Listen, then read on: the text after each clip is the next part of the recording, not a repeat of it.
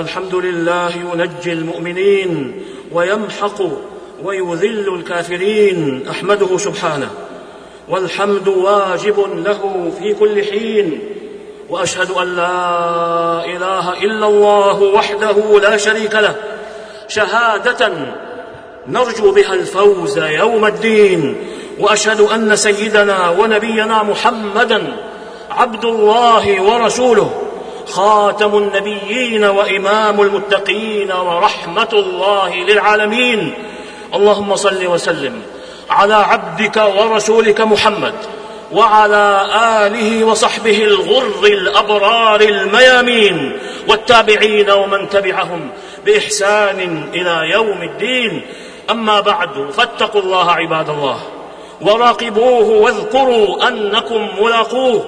موقوفون بين يديه يوم لا تملك نفس لنفس شيئا والأمر يومئذ لله.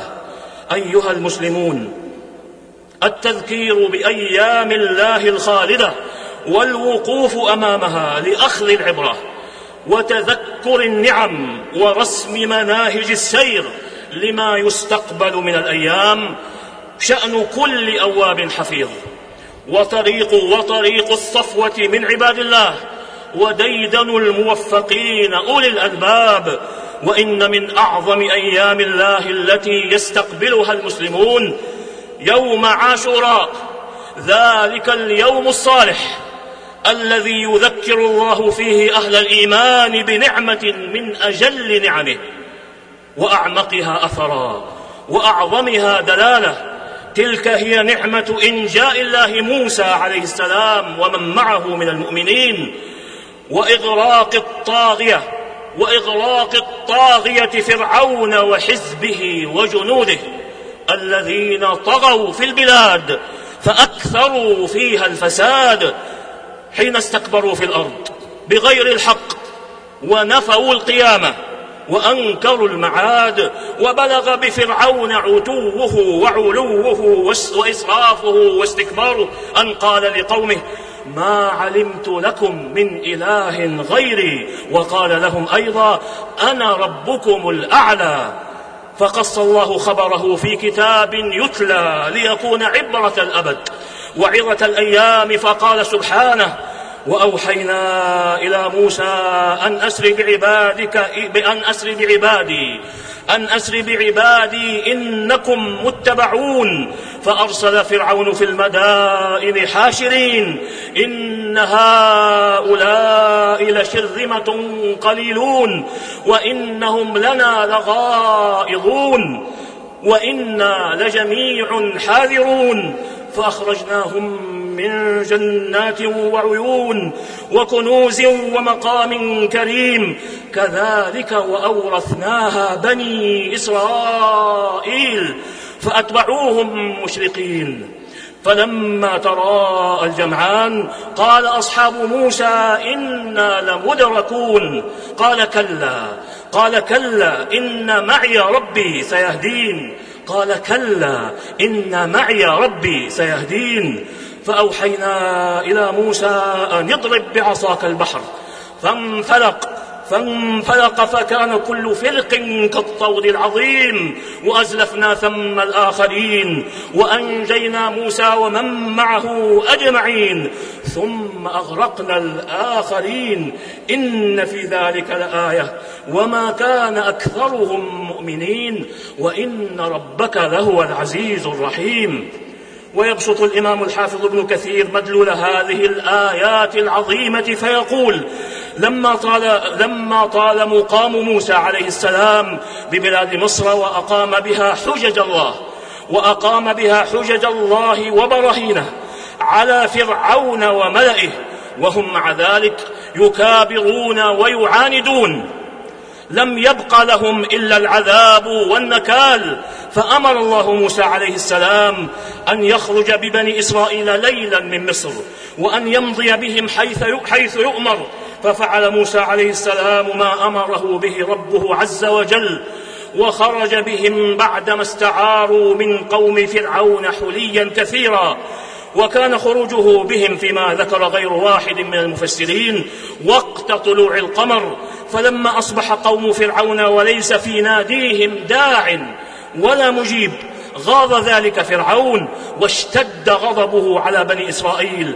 لما يريد الله به من الدمار فأرسل سريعا في بلاده من يحشر الجند ويجمعه ونادى فيهم قائلا إن بني إسرائيل طائفة قليلة وفي كل وقت يصل لنا منهم ما يغيظنا ونحن لذلك نحذر منهم ونريد أن نستأصل شأفتهم فجوزي في نفسه وجنده بما أراد لهم فخرجوا من النعيم الذي كانوا فيه وتركوا تلك المنازل العالية والبساتين والأنهار والأموال والأرزاق والملك والجاه الوافر في الدنيا كما قال تعالى وأورثنا القوم الذين كانوا يستضعفون مشارق الأرض ومغاربها.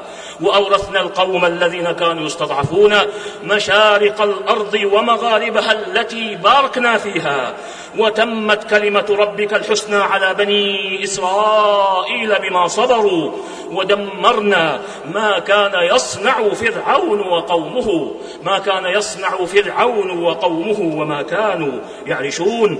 وذكر غير واحد من المفسرين أن فرعون خرج في محفل عظيم وجمع كبير.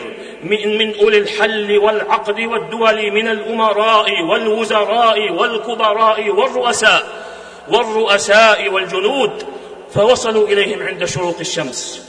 فلما رأى كل من الفريقين صاحبه فعند ذلك قال أصحاب موسى إنا لمدركون. فقال لهم موسى عليه السلام كلا إن معي ربي سيهدين. أي لا يصل إليكم منهم شيء. لا يصل إليكم شيء مما تحذرون فإن الله سبحانه هو الذي أمرني أن أسير ها هنا بكم وهو سبحانه لا يخلف الميعاد. وكان هارون عليه السلام في المقدمة ومعه يوشع ومعه يوشع بن نون ومؤمن آل فرعون وموسى عليه السلام في الساقة أي في المؤخرة. وقد ذكر غير واحد من المفسرين أنهم وقفوا لا يدرون ما يصنعون. وجعل يوشع وجعل وجعل يوشع ابن نون أو مؤمن آل فرعون يقول لموسى عليه السلام يا نبي الله ها هنا أمرك الله أن تسير؟ فيقول نعم. واقترب فرعون وجنوده ولم يبق إلا القليل. فعند ذلك أمر الله نبيه موسى أن يضرب بعصاه البحر. فضربه. وقال انفلق بإذن الله. فانفلق فكان كل فرق كالطود العظيم أي كالجبل الكبير. قال ابن عباس رضي الله عنهما صار البحر اثني عشر طريقا. صار البحر اثني عشر طريقا لكل سبت لكل سبط طريق. وبعث الله الريح إلى قعر البحر. فلفحته فلفحته فصار يبسا كوجه الأرض. قال الله تعالى فاضرب لهم طريقا في البحر يبسا لا تخاف دركا ولا تخشى. وقال في هذه القصة وأزلفنا ثم الآخرين أي قربنا من البحر هنالك فرعون وجنوده وجنوده. فرقنا قربنا من البحر هنالك فرعون وجنوده وأدنيناهم إليه.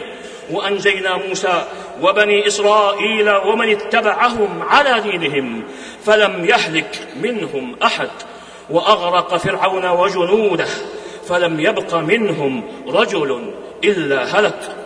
عباد الله إن في هذه الواقعة من الدلالات والعبر ما لا يحده حد ولا يستوعبه بيان.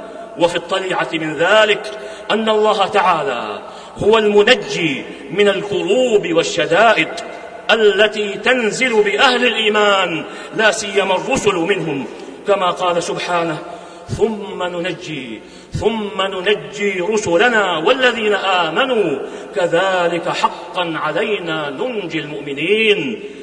وهو دليل بين على أن الإيمان والإسلام سبب للنجاة من كل ضر وشر في الدنيا. وطريق للفوز بكل خير ونعيم في الآخرة. إذا التزم المرء بمقتضياتهما وعمل بأحكامهما وهذا يقتضي من العبد إخلاص العبادة لله وصدق اللجوء إليه وكمال التوكل عليه ولزوم بابه بشدة الضراعة والإلحاح والتوسل إليه. فادعوه مخلصين له الدين. ومن ذلك أن سنة الله في دحر الطغيان وهزيمة جنده ماضية لا تتخلف ولا تتبدل. ولهذا قال سبحانه في بيان عاقبة فرعون فأخذناه وجنوده فنبذناهم في اليم فانظر كيف كان عاقبة الظالمين وجعلناهم أئمة يدعون إلى النار. ويوم القيامة لا ينصرون. وأتبعناهم في هذه الدنيا لعنة. وأتبعناهم في هذه الدنيا لعنة. ويوم القيامة هم من المقبوحين. وعلى العكس منهم أولئك الذين استضعفوا في الأرض. فنالهم من صنوف الأذى والعدوان ما نالهم. ونزل بهم من الضر والشدائد ما والشدائد ما نزل. فقد جعل الله عاقبتهم عزا. عزا وسيادة وريادة وتمكينا في الأرض. واستخلافا فيها كما قال سبحانه ونريد أن نمن على الذين استضعفوا في الأرض. ونجعلهم أئمة ونجعلهم الوارثين. ونمكن لهم في الأرض. ونري فرعون وهامان وجنودهما منهم ما كانوا يحذرون. وهذه عاقبة الحق وأهله. وهذه عاقبة الحق وأهله على الدوام. مهما اغبر مهما اغبر وجه الحق وغشيته غواشي الباطل وإن بشائر تحقق هذه العاقبة للمد... وإن بشائر تحقق هذه العاقبة للمؤمنين المستضعفين في غزة وسائر فلسطين وفي سوريا وميانمار لتلوح في الأفق القريب إن شاء الله فبشرى لهم ثم بشرى ويومئذ يفرح المؤمنون بنصر الله ينصر من يشاء وهو العزيز الرحيم.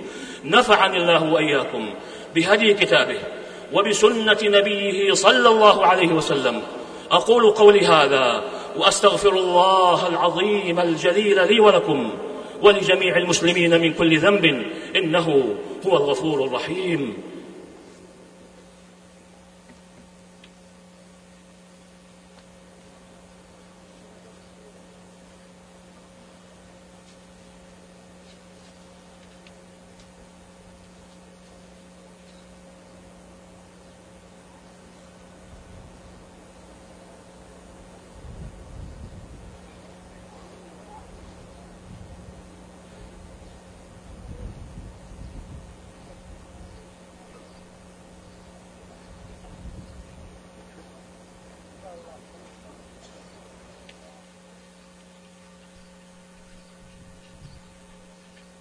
إن الحمد لله نحمده ونستعينه ونستغفره ونعوذ بالله من شرور أنفسنا ومن سيئات أعمالنا.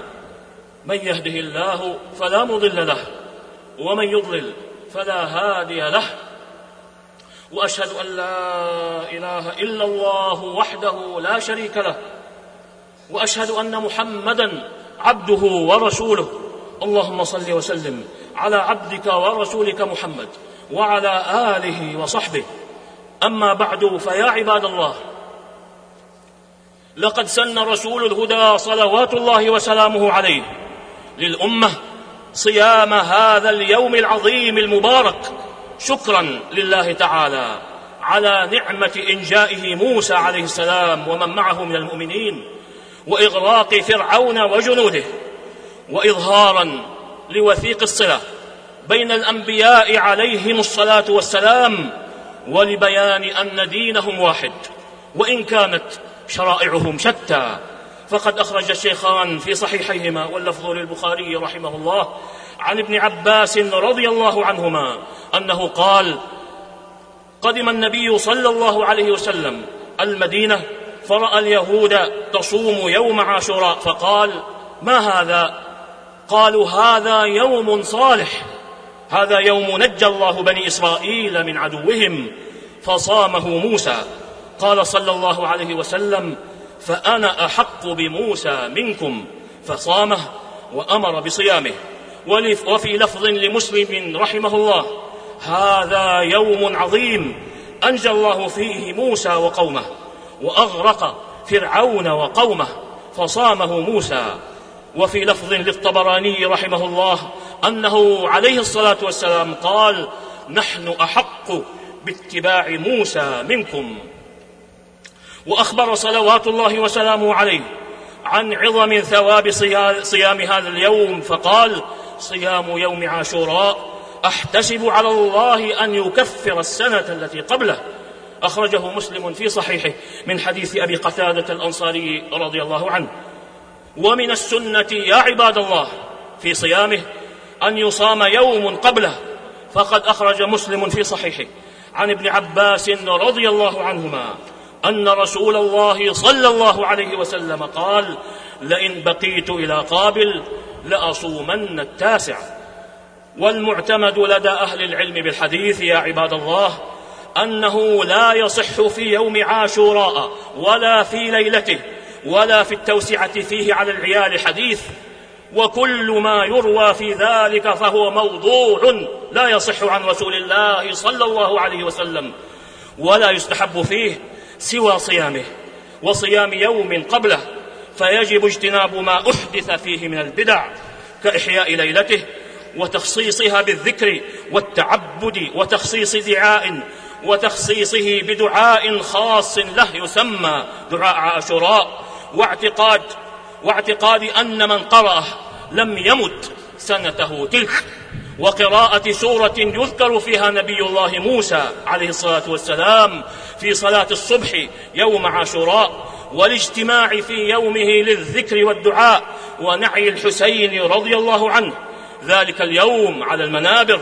واعتقاد أن البخور يوم عاشوراء رقية يدفع بها السحر والحسد والمس والنكد إلى غير ذلك مما مما لم يأذن مما لم يأذن به الله ولم يشرعه رسوله صلوات الله وسلامه عليه ولا عمله أحد من صحابته رضوان الله عليهم أجمعين. وقد حذر رسول الهدى صلوات الله وسلامه عليه من الإحداث في دين الله فقال من أحدث في أمرنا هذا ما ليس منه فهو رد أي مردود على صاحبه.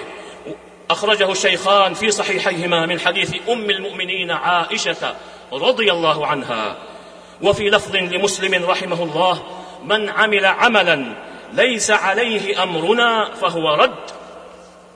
فاتقوا الله عباد الله واحرصوا على إدراك هذا الفضل العظيم بصيام هذا اليوم العظيم ولزوم السنة فيه بالاتباع لهدي خير الورى صلى الله عليه وسلم وحذار من ابتداع ما لم يأذن به الله في هذا اليوم وفي سائر الأيام فكل خير في اتباع من سلف وكل شر في ابتداع من خلف. واذكروا على الدوام أن الله تعالى قد أمركم قد أمركم بالصلاة والسلام على خير الأنام. فقال في أصدق في أصدق الحديث وأحسن الكلام إن الله وملائكته يصلون على النبي. يا أيها الذين آمنوا صلوا عليه وسلموا تسليما. اللهم صل وسلم على عبدك ورسولك محمد وارض اللهم عن خلفائه الأربعة أبي بكر وعمر وعثمان وعلي وعن سائر الآل والصحابة والتابعين ومن تبعهم بإحسان إلى يوم الدين وعنا معهم بعفوك وكرمك وإحسانك. يا أكرم الأكرمين اللهم أعز الإسلام والمسلمين اللهم أعز الإسلام والمسلمين اللهم أعز الإسلام والمسلمين واحمي حوزة الدين ودمر أعداء الدين وسائر الطغاة والمفسدين وألف بين قلوب المسلمين ووحد صفوفهم وأصلح قادتهم واجمع كلمتهم على الحق يا رب العالمين اللهم انصر دينك وكتابك وسنة نبيك محمد صلى الله عليه وسلم وعبادك المؤمنين المجاهدين الصادقين اللهم آمنا في أوطاننا وأصلح أئمتنا وولاة أمورنا وأيد بالحق إمامنا وولي أمرنا وهيئ له البطانة الصالحة ووفقه لما تحب وترضى. يا سميع الدعاء اللهم أسبغ عليه نعمة الصحة التامة والعافية. يا رب العالمين اللهم وفقه وولي عهده وإخوانه إلى ما فيه خير الإسلام والمسلمين وإلى ما فيه صلاح العباد والبلاد. يا من إليه المرجع يوم التناد اللهم أصلح لنا ديننا الذي هو عصمة أمرنا وأصلح لنا دنيانا التي فيها معاشنا وأصلح لنا آخرتنا التي فيها معادنا واجعل الحياة زيادة لنا في كل خير والموت راحة لنا من كل شر اللهم أحسن عاقبتنا في الأمور كلها وأجرنا من خزي الدنيا وعذاب الآخرة اللهم إنا نعوذ بك من زوال نعمتك وتحول عافيتك. وفجاءة نقمتك وجميع سخطك. اللهم إنا نسألك من خير ما سألك منه عبدك ونبيك محمد صلى الله عليه وسلم. ونعوذ بك من شر ما استعاذك منه عبدك ونبيك محمد صلى الله عليه وسلم. وأنت المستعان وعليك البلاغ ولا حول ولا قوة إلا بالله. اللهم انصر اللهم انصر واحفظ المسلمين في سوريا وفي غزة وفي سائر فلسطين وفي ميانمار وفي كل مكان يا رب العالمين. اللهم انصرهم على عدوهم. اللهم احقن دماءهم. اللهم احقن دماءهم. اللهم احقن دماءهم. اللهم اشف جرحاهم. واكتب أجر الشهادة لقتلاهم يا رب العالمين. اللهم اكفنا أعداءك وأعداءنا بما شئت يا رب العالمين. اللهم اكفنا أعداءك وأعداءنا بما شئت يا رب العالمين. اللهم اكفنا أعداءك وأعداءنا, وأعداءنا بما شئت يا رب العالمين. اللهم إنا نجعلك في نحورهم ونعوذ بك من شرورهم. اللهم إنا نجعلك في نحورهم ونعوذ بك من شرورهم. ربنا ظلمنا أنفسنا وإن لم تغفر لنا وترحمنا لنكونن من الخاسرين. ربنا لا لا تزغ قلوبنا لا تزغ قلوبنا بعد إذ هديتنا وهب لنا من لدنك رحمة إنك أنت الوهاب. ربنا آت آتنا في الدنيا حسنة وفي الآخرة حسنة وقنا عذاب النار. وصلى الله وسلم على عبده ورسوله نبينا محمد وعلى آله وصحبه أجمعين. والحمد لله رب العالمين.